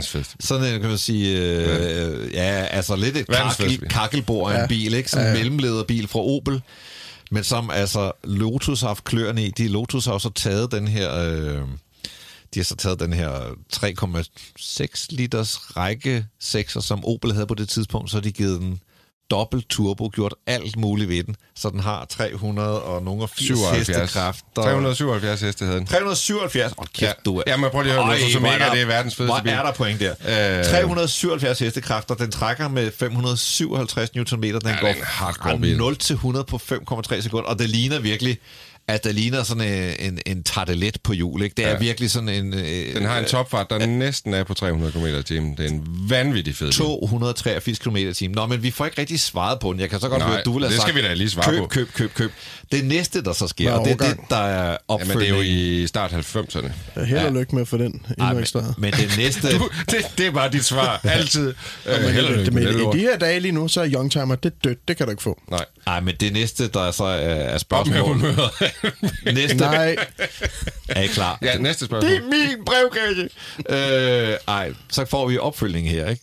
Jo. Lige pludselig, så lægger Svend Han køb- Knutte, han lægger så bare et billede ind af den her bil, hvor den står hjemme hos ham selv. Ah, det er så fedt. der så plader på. uden vores øh, opmuntring til at købe den, jeg ville Ja. ja. også have sagt køb, Ja, køb, ja, køb. ja. Du ville have sagt køb, køb, Ja, køb. selvfølgelig. Nu vil du sige nej til alt, der hedder køb må jeg. Må jeg, må jeg Så sige har- noget, mens I lige snakker om det? Det er jo den, en af de eneste biler, som mig bekendt, som en regering har prøvet at gøre ulovlig. Altså det var sådan, at da, da den kom ud, Lotus Omegaen, der øh, havde den britiske regering eller stat, de havde købt øh, nye biler til politiet. Og der havde de købt den her, der hed Omega 3000. Øh, og så kom Lotus med deres Lotus Omega, som var noget hurtigere end den her Omega 3000. Og øh, det blev de jo meget nervøse for, fordi lige pludselig så kunne de jo ikke stoppe de her folk, der kørte for stærkt i Lotus Omega. Så, øh, så den britiske regering prøvede faktisk at gøre Lotus Omegaen ulovlig. Men Svend, han har købt den her bil, han har kørt 44.000 km fra ny. Det er heller ikke meget. fandme flot. Jeg har skrevet til ham, at når han har fået rullet nogle kilometer den, så ringer vi til ham, og så skal Ja. vi simpelthen høre, hvad det er. Og jeg, jeg Den ved ikke, bliver hvor, vi nødt hvor til at Svend se. Kunne vi ikke bor, få ham men på vi den- skal have Svend. På det næste live-event, der han kommer med den. Åh, oh, det skal vi. Vi skal altså have gang Og han i- skal i have en plads i her. vores five-car garage også. Det kan Den godt være, at vi det skal putte ham i den, det skal for det var der en anden, Det der skal skrev. Ej, der er en lytter, at der kommer er med nogle lidt. gode forslag til. Ja, det kan vi, vil- ikke tid Det tager til. vi i dag. næste gang. Ej, vi er faktisk travlt i Man dag. kunne jo også godt tage 356'eren for bagnæsen. Jamen, det er også en mulighed. Ja. Nå, godt, godt. Men det var den ene opfølgning. Den anden opfølgning, det er vores gode ven Stefan. Vores pure unge ven Stefan. Aldrig har en lytter fået så meget opmærksomhed på sit spørgsmål. Er det 190'eren? Det er ham, der har 30, måske 40.000 Ah, ja. ja. til at købe Ja, ja. en bil. Det bliver ved. Vi har jo sagt 190, så ved jeg ikke, hvorfor det blev en konkret 190 som er hvide blink, men det vil jeg Det var, i hvert fald ikke. Det, det. det Det er aldrig Anders. min anbefaling. Nej, jeg er enig, Grav. Men derudover, så har vi altså forskellige... Der, der kører lidt diskussion. Kan man finde en pæn 190'er? Bliver de for dyre? Vores gode lytter, altså Anders godt. Philip, øh, fantastisk bilnørd, ham må vi også have med på et tidspunkt, men han, øh, han har haft en 190'er, og han siger, at der var en del bøvl, og han, han kigger meget på det marked og siger, at de er svære at finde. Omvendt var jeg inde på den der Youngtimer-gruppe på Facebook, Og der ligger altså et par, som jeg vurderer det, ret pæne 190'er. Der var en, jeg fandt i hvert fald, som kostede faktisk 40.000. Jeg tror ikke, den havde gået så meget. Det var så heller ikke sådan et luksusspæk eller noget, og den havde en lille rustplet, men du ved, det kan altså godt lade sig gøre at finde en for 40. Så har vi en lytter, der siger, at man skal købe en Ja, Mercedes se, den så jeg godt, og det gav jo god mening. C320. Jeg Det tror bare lidt, den er lidt dyr der. i den store dieselmotor på Ja, den den er der. noget nyere. Hvad er den fra? Det Ja, er det er- benzinmotor. Det er jo Jo, men hvad 3,2 årgang? liter, Det er jo i 202, nullerne, tror jeg. Ja, det, det er den med Mickey Mouse-forlygterne, kan man Ja, sige. ja. To 202 runde eller forlygter, der 201. Jeg tror så, at det, der er lidt af udfordringen med den der, den, den kunne nok godt få nogle dyre reparationer. Jeg er ikke lige sikker Det på, at hans budget kan tåle det er sådan en det er- 10-20-30.000 kroner. Det er rustet æraen, det er jo samtidig Ja, det er det med også. Mercedes Ja. W210, altså Ja. E-klassen, der er rustet for bare at kigge på den. Der er måske gang i endnu et bud til Stefan, og jeg tænker, i et eller andet program kan det godt være, at vi skal have fat i ham her med og høre, om han har overhovedet hørt om, hvor meget kærlighed der er kommet til ham, hvor meget input han har fået. Du virker meget ivrig for Jamen at det lukke er fordi, at vi, er, vi mangler faktisk en uh, ting, fordi inden Breinholt tog til USA, der lavede han jo lige fem afsnit af noget, der hedder Breinholt og fotovognen. Og kan vi ikke lige nå et spørgsmål til? Jo, Jamen for fanden, skønt dig. Fordi jeg havde en, der designede til dig. Jeg ved ikke, Nå. hvornår skal afsted. Vi har en øh, lytter. Han hedder Niklas Tyrell. Han spørger, fede biloplevelser i Paris. Og jeg ved, du havde en rigtig fed biloplevelse i Paris, NP. Ja. Øh, jamen, jeg hyrede en 2CV med chauffør, der kørte mig rundt en, øh, en 3-4 timer. Det var, det var virkelig dyrt, vil jeg så lige sige. Men det var virkelig også fedt. Kan du Og- lægge et link op på vores social media? Nej, fordi jeg fandt det bare via... Øh, altså, jeg søgte bare... Der er jo 3-4 firmaer, der bruger det der. Okay. Øh, så du skal bare vælge det, der har de bedste anmeldelser. Jeg kan simpelthen ikke huske, hvem jeg brugte. Men jeg fik dem... Jeg været ven med ham på øh, Instagram i dag. René Shaw. Og når du siger dyrt, Øh, jeg tror, vi gav 400 euro for fire timer. Gispen, men det er da en fed måde at se Paris på. Er u- u- ubeskriveligt fed. Rigtig, du har også et godt tip. Der er et øh, firma i Paris, jeg følger, der hedder Le Art Ja, men- Automobile, men der og jeg forstår ikke helt, om de har et showroom eller Ej, de har hvad, en men det er i hvert fald værd at undersøge, om det er et sted, man kan komme ind, fordi de biler, de har, det er ekstraordinært, og det er edderbange fedt. Le Art Automobile. Han hedder automobile. Han laver en masse Det F. mode med danske modefirmaer. Han er ret høj. Ja. Du kommer ikke ind i garagen. Øh, nu siger jeg det bare lige. Jeg Men de har bare- en souvenirbutik, du kan gå ind i. Det ved jeg ikke, om Jeg synes, og det er jo bare altså, det, tip A, det er Champs-Élysées, der har øh, især de Ikke franske bilproducenter. Det er slut. Er det rigtigt? Ja, der er ikke noget. Nå, for der stod jo altså Ja, ja. Le Mans racer fra Peugeot og alle mulige Gik deres... turen øh, sidst, der var 0. Audi var der. Det er ikke så sjovt. Nej, det er lidt lige Du, meget. du får slukket drømme i dag. Ja, det gør jeg godt nok. Slot. Ja, Men, og, men, og men nu nu siger slutter jeg lige noget. også Nej, nu siger jeg lige noget. Øh, halv time uden for Paris, lige nord op, øh, nordøst, der ligger det officielle øh, Citroën Museum Mm. med alle deres modeller igennem tiderne og nogle store samlinger. Kan der du vil huske, hvad byen hedder? Det er det noget med Citroën og Ridache, et eller andet. Det er et sjovt bynavn. Øh, Og nu bliver jeg simpelthen nødt til at tage teten. Breinholt er klar med afsnit 2 af Breinholt og fotovognen. GF Forsikring præsenterer AB og fotovognen. Vi står her på Troldhedevej 10, Sønder Fællingvej, Sønderfældingvej 10, 32. 32. Og prøv lige at fortælle, hvordan du har sat, sat arsenalet op her. Jamen, øh, jeg har jo sat det op på vores træfod ude ved, øh, i siden af vejen. Mm. Dels fordi jeg kan ikke komme til at holde med bilen ude i siden af vejen. Det vil være farligt for mig selv. Så jeg har parkeret herinde på en øh, parkeringsplads Ja. ved efterskolen, og så har jeg sat udstyret ud til vejen. Øh, og, og når du siger en træfod, øh, Martin, så er det jo kameraet, der står på sådan en træfod, og det er dem, man tit ser. Og så ser man den, og så hakker man bremsen voldsomt i. Det er det, folk oftest gør. Det er sådan tit deres trafikmønster, ikke? Ja, det, det ser vi nogle gange. Ja. Det er jo så også farligt i sig selv. Det er mega farligt. Men der står den træfod, træfoden, og den er... øh, Hvad, hvad er det for noget kamera, der er på der? Jamen, øh, det er to digitale kameraer, der er mon- monteret oven på en øh, laserenhed, Mm. der scanner trafikken. Og er der nogle hastighedsoverskridelser, så tager den jo et billede automatisk. Og hvad må man egentlig køre her, hvor vi er? Her må vi køre 60. 60. Og hvad kører folk oftest her? 60. Okay. Så, øh, så vi regner ikke ved at få nogen i fælden i dag? Jo, men altså, nu har jeg været i gang siden klokken 8, og nu er klokken... Ja, alt for meget. Det er næsten ikke... Halv 11. Vi havde, en- vi havde en aftale lidt tidligere, lad os da bare være ærlige, men altså, det er mig. Så 9, 9.30. Ja, ja, men det, men det er jo vejret er godt for helvede, Martin. Lige ikke? Og præcis. det er skønt område at ligge og køre Lige bil i og sådan noget. Nej, den, den, den højeste indtil videre er på 91. der står det så, og så skal man forestille sig, at det er en lille bitte vej, og øh, smal vej. Som sagt går den fra 80 til 60, fordi man kommer ind i, i egentlig ikke en bebyggelse, jo også, men primært fordi der ligger en efterskole, ikke? Det, det er vores anmeldelse. Vi er her på med afsæt i borgerhenvendelser fra efterskolen og for de borgere, der benytter vejen hoved. Altså, vi har en bakketop og et, øh, et farligt kryds øh, lige efter bakketoppen. Og så igen, som du siger, det er en smal vej, og skoleeleven benytter den ind til Sønderfælling. Og...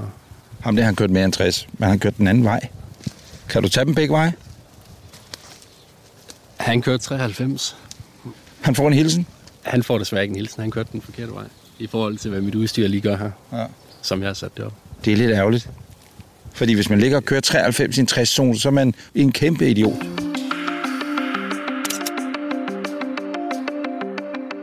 Så det er jo en uh, transporter, det er som vi kender den. Ja. Øh, det er en af de gode gamle transporter. Det er en TDI, kan jeg se. Blue Motion. I skal jo ikke bruge den til at køre stærkt, den skal bare være driftsikker, ikke? Lige præcis. Har du oliefyr i den? Det har jeg også. Ja, tak. To stykker. Nå, hvorfor? Øh, Øh, der er jo den originale i bilen, og så er der så en øh, kabinevarmer bag i, som der er blevet eftermonteret. modtaget. og hvad kan du sige om uh, transporteren som sådan? Det er jo din arbejdsplads, det er jo dit kontor, ikke? Det er i hvert fald ATK-operatørens øh, kontor, og det, den er indrettet som en, øh, et helt lille kontor. Så kommer der en lastbil der. Han kørte lidt mere end 60. Er det dit bud? Det tror jeg, skal vi prøve at gå og se. 67. Ja, det, Det er jo ikke, øh, altså, det er jo ikke meget mere. Hvad kan du sige om bilen så ellers, Martin, andet end det, det er en transporter, den bliver bygget om? er- Og hvor bliver den bygget om henne? Det er en af Rigspolitiets samarbejdspartnere, der har bygget den om. Ja. Øh, og den er jo lavet ind med, der er blevet lagt noget isolering i den, og, og et lille kontor, et hævesænkebord og plads til vores computer. Og, ja, den bygger op ligesom et kontor, som en arbejdsplads. Det ligner øh, stolen. Skal vi gå ind? Det gør vi lige. Stolen er sådan lidt en øh, gameragtig stol. Det kunne godt være sådan en, alle øh, børnene rundt omkring. De sidder og spiller på. Er det ikke rigtigt? Det kunne vi godt uh, sige. Det er sådan, vej- det er sådan en, en vagt kontorstol til 24 timers brug. Ja, modtaget. Ja. Så er der... Øh, det var ikke den model, hvor døren selv lukker. Nu kommer der en lastbil, der kører øvrigt stærkt. Er du sindssyg? Eller er det bare mig? Og den kommer lidt frisk. Han kommer lidt frisk, ham der. Åh, oh, 74. okay, 74 km i timen. Man må køre 60, og det er en lastbil. Ja. Det, er- det, det okay. Han har jo lidt længere bremselængde end... Uh, Men helt seriøst, jeg, jeg er oprigtig rystet nu, øh, Martin. jamen, uh, Nu kommer der en, en kassebil også. kassebil. 77. 77. Altså uden... Altså, hallo? Ja. Ja, jeg er decideret rystet. Det er jo ikke, øh, det er jo ikke uvandt for os, kan man sige. Nej, nej, det, det, du er... Hvis jeg lige må Kom- afbryde, du kan se mit billede, det er lidt for lyst, så jeg skal lige ud og justere på, øh, på blændet ud, så vi får lidt bedre billeder. Det er jo også et fotokursus, som Martin nu har gang i. Jeg går lige med ud og, og skifter med Martin. Hej, drenge. Hej, hej. Vi holder ved en efterskole, så nu står der to på bumsede teenager øh, ude i indkørslen. Hej, hej, dreng. Goddag, goddag. Er I glade? Ja, det er meget fint. Det er godt nok. Hvad laver panserne? Jamen, øh, ja, og der skal vi lige huske den rigtige betegnelse. Det er ikke panserne. Det er muligt, du har for meget chili, men det er ikke panserne, det er politiet. Ja, Nå, men politiet er her, ja. Fordi at det her det er jo en vej.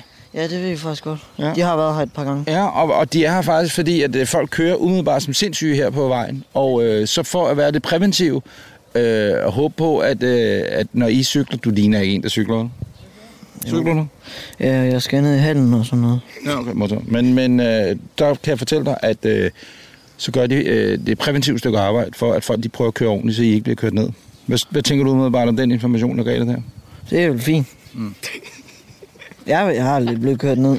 Nej, nej, for, Jeg for gud forbyde. På. Kører du med, øh, kører du med sådan en høvding, eller med almindelig cykelhjelm? Cykelhjem. Okay. Det skal vi. Ja, det synes jeg er en god idé. Men det er jeg glad for. Hvad klasse går I i 9? 9. Og hvad så efter 9? Hvad skal der ske der? Jeg skal en 10. klasse, Ja, det skal jeg. og så skal jeg på landbrugsskole bagefter. Okay. Øh, og det foregår her i området også. Skal I fortsætte her i 10 også? Ej, Nej, nej, nej, nej, nej. Det kan I Jeg på det kraftigste gået- afvise. Jeg har gået her i to år. Modtaget. Fint. Men hør her, dreng. Øh, det var sådan set bare lige... Øh, for nu går jeg ind og snakker videre med Martin. Og så holder vi øje med trafiksituationen imens. Og hvis I undgår ungdomskriminalitet så længe også, så er vi enige, ikke? Prøv at se lastbilen. Nu skal vi glæde til. Dreng, hvad tror I lastbilen der? Den Han kører Eddermame 90, også for stærkt. 90, 91, 92. Ja, så sætter han farten ned. Ja, det er også træls. Men det er for sent. Nu er jeg eddermame rystet over, hvor stærk sådan en han kører. Jamen, de kører mega stærkt nu. Hun kørte i hvert fald for langsomt. Giv han en god dag, dreng. Godt at møde jer. Hej. Lad os lige få øh, med, hvad lastbilen der, den kørte. 89. Er det ikke en betinget frakendelse af kortet? Det var for 40 procents overskridelse, når, når det er lastbiler. Det er i hvert fald dumt, når man er erhvervschauffør. Lad mig det være en opfordring for mig øh, til, at når man er erhvervschauffør, er det simpelthen for dumt at ligge og køre 90 km i timen, det? 89. 89 i en 60 zone Forbi en skole. forbi en skole. Hallo, tillykke med kortet, du. Det var del 2 af følgetongen AB og fotovognen. Lyt med i næste uge, når der rent faktisk kommer svar på relevante spørgsmål om, hvad fotovognen gør og kan. Jamen, Hvad sker der? det er jo bare det, han kan, det der, ikke? De det er der så- forbumsede teenager. Jeg synes, det mest vilde er sådan en lastbil, der bare pløjer igennem sådan en 60-zone med nærmest Nu er 90 det dig, der er alvorlig. Nu prøver jeg at være lidt glad. Nej, Så det dig, undskyld. der er Nej, men jeg, jeg, jeg, jeg, bebumsede teenager, dem er der vel nok af. Jamen, det er ligesom det, jeg, jeg har lidt, kender det der, at, at man kører bil, og så synes man, cykler er nogle idioter. Mm-hmm. Så en dag, så er man ude og cykle en tur, så synes man, biler er nogle idioter, ikke? ja. Altså, jo. Anders kommer kørende derovre i sin Taycan øh, Cross Turismo, og guderne må vide, hvordan han har kørt over. Det skal vi da ikke sidde og, og, og elaborere på her. Men i det øjeblik, han træder ind i fotobilen, Og så bliver altså han i hældet løbet af de fuck. minutter, Han tager så, det på så sig. er han virkelig... Åh, hvad kører den 74? Og der, er det ikke en betinget frakendelse? Er det er virkelig... Jamen, jeg forstår godt, når Ja, man ja. står lige ved siden af og mærker en lastbil køre forbi med 89 forbi en skole. Ikke? Det er også sygt. Det meste der, kan også pisse mig af, det må jeg ja, sige. Også ude i trafikken, altså også de der white van typer der, ikke? Om du mister jo, man. White ham der chaufføren, Altså- altså, han kørte jo så for et dansk firma, og han mister jo sit kørekort. Han mister jo sit job. Slut. Men det fortjener han vel sådan set også. Hvorfor er det så vigtigt at få varerne så hurtigt ud? Jeg ved det ikke. Jeg forstår det ikke. Jeg ved ingenting om varetransport. Men er I klar til langt over tiden. øh, en quiz?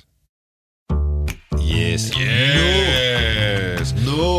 Og, og denne gang har jeg taget udgangspunkt i en af nyhederne. Jeg prøver, igen, igen, igen, igen, igen. jeg prøver at ligesom Genspil. piske Jeg- jeg din bare quiz op på det, de højeste navler, men tag du du bare sige, det er verdens Er bedste det øh, en bilquiz. quiz, hvor bare vi er skal gætte afgiftsvurdering? Nu kommer verdens bedste bilquiz. Det vil være verdens sværeste bilquiz at gætte Motorstyrelsens vurderinger. Det kan vi gøre en anden gang. Det synes jeg faktisk er en rigtig god Polo idé. Fox. Må jeg lige sige noget af det? Bare lige, det er bare sjovt, at den der panda, jeg øh, er blevet bollet, bollet røven på, øh, næste godt, år er den det. veteran, og så er kører det er efter, så meget et, øh, så kører det efter en øh, fast, Ved du hvad, klar NP? udregning. Det skal vi ikke snakke mere Nej. om lige nu, Nej. fordi nu er det quiz-tid, og det er verdens sværeste bilquiz. Men og hvis I- du er blevet bollet i røven i den der bil, det svarer til, at Nigel Mansell har haft den. Altså, blevet det er klart. røven. det svarer til at købe en Jeg Fiat er Tipo. blevet bollet i røven, og så blevet tvunget til at se det på video igen bagefter. Ikke? Prøv at tænke, hvis Motorstyrelsen fandt ud af, at det havde været Nigel Mansells ikke Tipo, så ville det jo koste en million i afgift. Ja, ja, så er markedsprisen jo... Øh, I dag hedder det den royale bilquiz.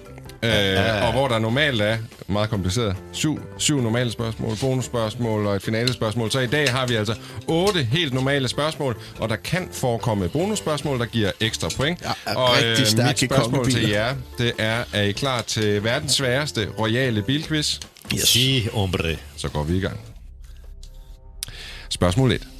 Prins Charles fik til sin 21-års fødselsdag en gave i form af en Aston Martin DB6 Volante. En bil, han stadig ejer den dag i dag. Men hvilken farve har bilen? Er den A. British Racing Green? Er den B. Seychelles Blue? Seychelles, Seychellerne blå? Eller er den C. Platinum White? Mm, boys. Hvad gætter I på sådan en Ja, der? jeg mener, alle kongehusets biler der er blå. I gætter begge to på B. Seychelles. Seychellerne blå. Det er fuldstændig korrekt. Øh, Ja, nu skal jeg lige du er finde... vågen i dag derovre. Ah, jeg finder lige Jeg tror, du gik igennem sådan noget 12 spørgsmål i træk, uden at have en rigtig sidst. Der var I i hvert fald lidt lidt- tuning-quiz, der var ikke meget at hente der. og vindquizzen, se. som jeg faktisk godt kunne lide, der var jeg sgu heller ikke helt stiv. Det var, eller stærk i hvert fald. Jeg var måske stiv, men det var nok det, der var problemet. Hvem var stiv? Er I klar til næste spørgsmål? Ja, er tak. du? Ja, ja. Jamen, det er sgu svært. Det er, jeg ved ikke, hvad der er med mig i dag. Det, jeg har sovet rigtig, rigtig godt, men det må være derfor, at jeg faktisk er sådan lidt rundt på gulvet. Nå. Der er no mercy, Der er fordi no griner mercy. altid mig i brevkassen. Ja, Ja, ja, jeg skal jo sidde, sorry, det ene spørgsmål er på Messenger, det andet er på Instagram, og det tredje ligger i der. Ja, ja, ja. Det er godt. Godt, Godt boomer. Ja, godt. godt. Okay, boomer. Der er mange, der har sendt den der båd også. Ja, Den er så lige sjov hver gang. Ja. Er I klar? Ja. Spørgsmål 2. Ja. Svenske kong Carl Gustav måtte tilbage i år 2000 Volvo. und, undskyld en hændelse, hvor han havde kørt for stærkt i Danmark på vej til Margrethes 60-års fødselsdag. Men hvilken bil kørte han i? Kørte han i A, en Maserati 3200 GT? Var det B, en Ferrari 456? Eller var det C, en BMW M3 CSL?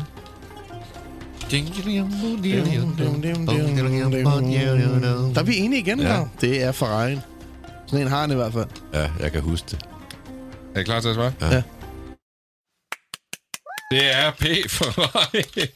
Prøv lige at se, hvordan jeg... Jeg synes altså heller ikke, at en konge kan køre en M3. Jeg elsker Nej, M3, Jamen, men den er ikke her. særlig kongelig. prøv nu at høre her. Han har en. Kong Carl Gustav havde en M3 CSL, som han jo kørte ind i en anden bil i en Nå. rundkørsel, fordi han kører alt for tæt.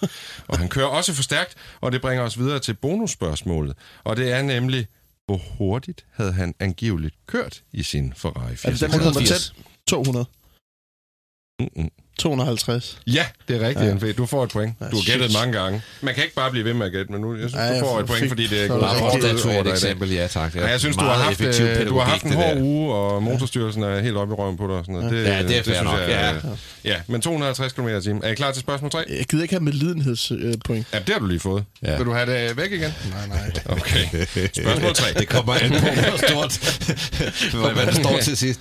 Kong Philip den 6. af Spanien modtog i 2014 en ganske særlig gave. Men hvad? Seat Toledo. Var det A, en Rolls-Royce Phantom med hans monogram? Var det B, en Mercedes S-klasse Pullman? Du bliver nødt til at tage A igen. Undskyld, jeg var helt... Jeg sad og tænkte på, at han havde fået en Fiat Tipo, der var højrestyret. Ja, var det Nigel Ma- Var den British Racing Green? De har gjort alt for at slippe af med den bil. Er I klar? 1. Rolls-Royce Phantom med hans monogram, Mercedes S-klasse eller en Seat Ibiza 1,5. Jeg blev... Er I klar? Ja. Nu prøver jeg at skrue ned for det her mærkelige... Ja, vi svarer det samme. Jeg tror, han har fået sådan um, nummer 1 Det million til. Ibiza. Det tror jeg sgu også. Eller sny- snyder du Ja. os? Det er rigtigt. Han fik nemlig en Seat Ibiza 1,5, og nu kommer der endnu et bonusspørgsmål. Mm. Hvad var det særlige ved Ibizaen? Øhm, Det var det var nummer for 1 længe. million produceret. Det er forkert. Forkert. I gætte en sidste gang? Jeg skal ikke have nogen medlidenhedspoint nu. Nej, men du, hvis du gætter rigtigt, så får du det. Det var den sidste produceret. Det var en Ibiza 1,5. Jeg kan Øh, sige det sådan her, den var ikke ny. Nej, Det var den første den Ibiza. første, ja. Nej, det var hans første bil. Nej. De havde simpelthen indkøbt hans første bil og restaureret den til ham, og så havde de givet den tilbage til ham. Hvor er det det synes fedt, jeg altså. faktisk er sådan... det er jeg er sgu sådan rimelig dedikeret. Er det får det? Seat Jo. sgu lige et point. Godt tænkt. Godt. Er I klar til spørgsmål 4? Ja. Er du klar? Jeg er klar, Grav. og det er om øh, kong Philips far, Juan Carlos. Juan Carlos. Juan, Juan, Juan. Juan Carlos. Jo, Sean. Sean. Sean. Carlos. Nå, han var også glad for firehjulede gaver, og i 2011 gav Sheikh Mohammed bin Rashid Al Maktoum, statsminister i de forenede arabiske emirater, ham en gave. Men hvad?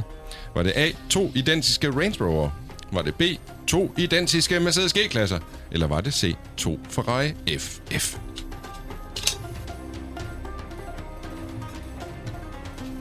Er I klar til at svare? Ja. Jeg vil gerne uddybe mit svar. At, Du vil gerne uddybe dit svar. Jamen, du skal, du skal simpelthen kører bare... selv øh, i en hvid G-klasse med nummerpladen 1 i Dubai. Grav, du svarer Range to Rover. identiske Range Rover. NP, du svarer To to. Mercedes G-klasser. G-Wagon, G-Wagon. Det var to Ferrari FF, som øh, da ham her, kong Philip, kom til, Philip, så øh, valgte han at sælge de her to FF'er, fordi han synes det gav det spanske kongehus et lidt dårligt ry, at man bare kunne give dem to Ferrari'er i gave, så du ved, få mm. lidt... Øh, mm. Ja, I ved, hvad jeg mener. Mm-hmm. Er I klar til næste spørgsmål? Mm-hmm. Hold kæft, jeg styrer de knapper i dag, var kan I mærke det? Den, den japanske kejser Naruhito har en ganske særlig åben bil, de bliver kørt rundt i til offentlige parader. Men hvilket mærke er den? Er det A, en Toyota? Er det B, en Lexus? Eller er det C, en Cadillac? Og han hed Naruhito. Naruhito. Jamen, det kunne være to svar, ikke? Jeg tror ikke på øh, midten. Nej, Lexus, det gør jeg Nej, jeg tror, det er enten, at han har været i, øh, og så blevet fået den i gave af Nixon, og så er han vildt glad for den, eller så kører de bare med Kazoo. Gazoo, Ej, du spytter Jeg skiftede sgu. Hvem siger hvad? Jeg siger Toyota. Toyota. Det gør jeg også. Ej, Det er Jeg rigtigt. er for sig dig til at skifte. Jeg skulle Nej, ikke men det var fordi, jeg tænkte, jeg havde en lidt Cadillac, så tænker jeg bare, det vil jo ikke være usædvanligt, hvis han har en Cadillac. Altså, det, er et det, det, det, alle øh, kører rundt i. bonusspørgsmål? Med Century. Ja. Det er rigtigt, NP. Må jeg få Vil du NP bonusspørgsmål? svar? I får et bonusspørgsmål mere. Hvor mange cylinder er det? 12. Det er, det er rigtigt. Så vil jeg have de point. Grav, du får også point. Kæft, Jeg mange. skal have tre på den der. Jeg har nærmest allerede 8 point. Har jeg fået mine point? Ja, du har fået alle dine point. Siger vi bare. Du har fået det fra, hvor du gættede to gange. Du har fået det fra, hvor ja. Vi ikke nåede at få spørgsmålet. så, så, så, drenge. Men jeg tog den på 12. Ja. Nej, I snakker meget i dag, hva'? Og det kan være, at du svarede før, men jeg fik Der er pointet. gået totalt Jeg nærer kaffe- en af Jeg sagde din også lille... 12. Kom, Jeg sagde ja, også 12. men du fik ikke noget point. Hvorfor? Jeg nærer en af din lille... lyd Læser til. jeg spørgsmålet op. og skruer ned for jer. Den britiske dronning Elisabeth har fået bygget en ganske særlig limousine til sig selv. Men hvilket mærke er den? Er det A, en Bentley? Er det B, en Rolls? Eller er det C, en Jaguar? Jack. Er I klar til at svare? er altid Jaguar. NP, du siger Jaguar. Grav, du siger Bentley. Grav havde ret. Nej! Nej, Grav, du sagde Rolls. Det er Jeg forkert. sagde Ravelse. Nej, Så går det galt. Nå, var det? Det var ikke det er en Jaguar. Bentley. Det er lidt mærkeligt, man, man forventer, at hun kører en Jaguar eller Rolls. det den Hun der- Hun har faktisk fået Bordeaux. ombygget. Ja, Ja. sådan en helt vildt højt tag. Helt vildt Ja. øh, grimt, Pis. faktisk. Det vidste jeg da godt. I fik ingen point, jeg tror ikke, det var Jeg forkert. skal have noget luft. Er I klar? Det her det er faktisk et ret godt spørgsmål, øh, hvis jeg selv skal sige det. På Fyn findes et særligt bilmuseum, som har en af kronprinsens tidligere biler udstillet. Men hvilken? Er det A, en Fisker Karma? Er det B, en Lancia Delta? Eller er det C, en Skoda Superb? Nu bliver det koldt, NP, når du har døren åben. Jeg skal jeg sige med lige Ice cold answer. Hvad siger I? Øh, hvem siger hvad? Luk lige døren. Grav- ja, det er altså min, sindssygt koldt. øh, Du siger deltagen. Grav, du siger Deltaen. Jeg siger, det er den, siger mener Skoda faktisk, der er en, en skør mand, der har den der superb derovre. Det er nemlig fuldstændig korrekt, fordi på Fyn ligger der nemlig et Skoda-museum på Krangerup Gods, og der står kronprinsens gamle Skoda Superb. Jeg var faktisk ikke klar over, at han har haft en superb. Nej, det var jeg heller Jeg ikke. forstår Fuck, godt, det var hvorfor du en, skal sige, men- øh, en kronbil, ikke? Er I klar til Det var det, sidste? deltagen, ikke? Deltagen var ikke en kronbil. Det var Så- kongeblå. bare- I snakker for meget. flot, Jeg skruer ned jer Skoda. Man kan faktisk ikke høre, hvad de to andre siger igen. Øh, lige omkring og efter prinsesse Diana blev skilt fra prins Charles, blev hun ofte spottet, mens hun kørte rundt i en mørkegrøn cabriolet. Men hvilken bilmodel var det? Var det A, en MGF? Var det B, en Audi 80 cabriolet? Eller var det C, en Rover 216 cabriolet? Hun havde jo også en Mercedes W2, eller Var det ikke den, hun R129. Nå, I, der står på Mercedes-museet i dag. Nå i, I, i Bordeaux. Stuttgart. Ja, den er virkelig, den er virkelig flot. Ja, hun havde god bilsmag. Men øh, hun havde nemlig også en øh, Audi 80. Og hvad svarer I begge to? Audi 80. Det er korrekt. Det er en Audi 80. Jeg skal altså lige tælle nogle point sammen her. Det er fedt ved, at det er jo, jeg tror, NP vinder, men det er jo en quiz, hvor, øh, hvor der bliver givet nogle point. Ja, det kan har altså meget, svaret sådan, de der helt random, synes jeg altså er lidt dræbende. Er det slut nu?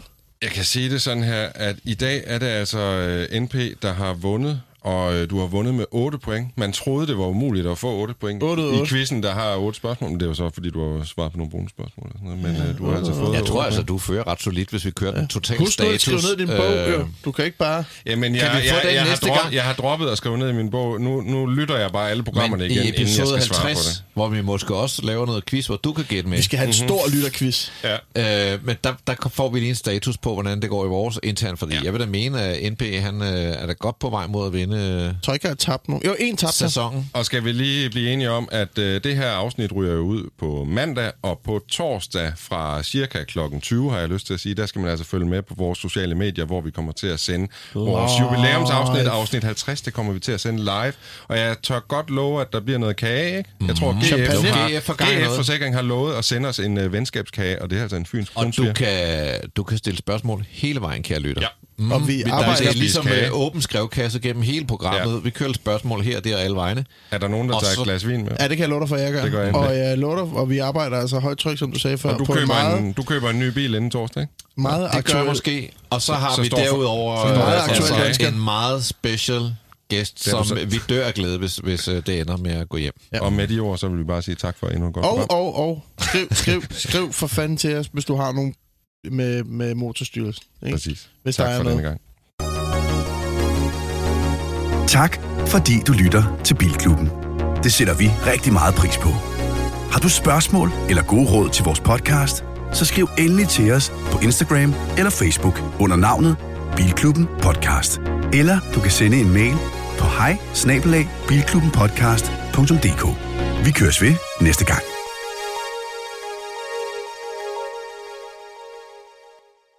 Endnu en podcast fra Breinholt Studios.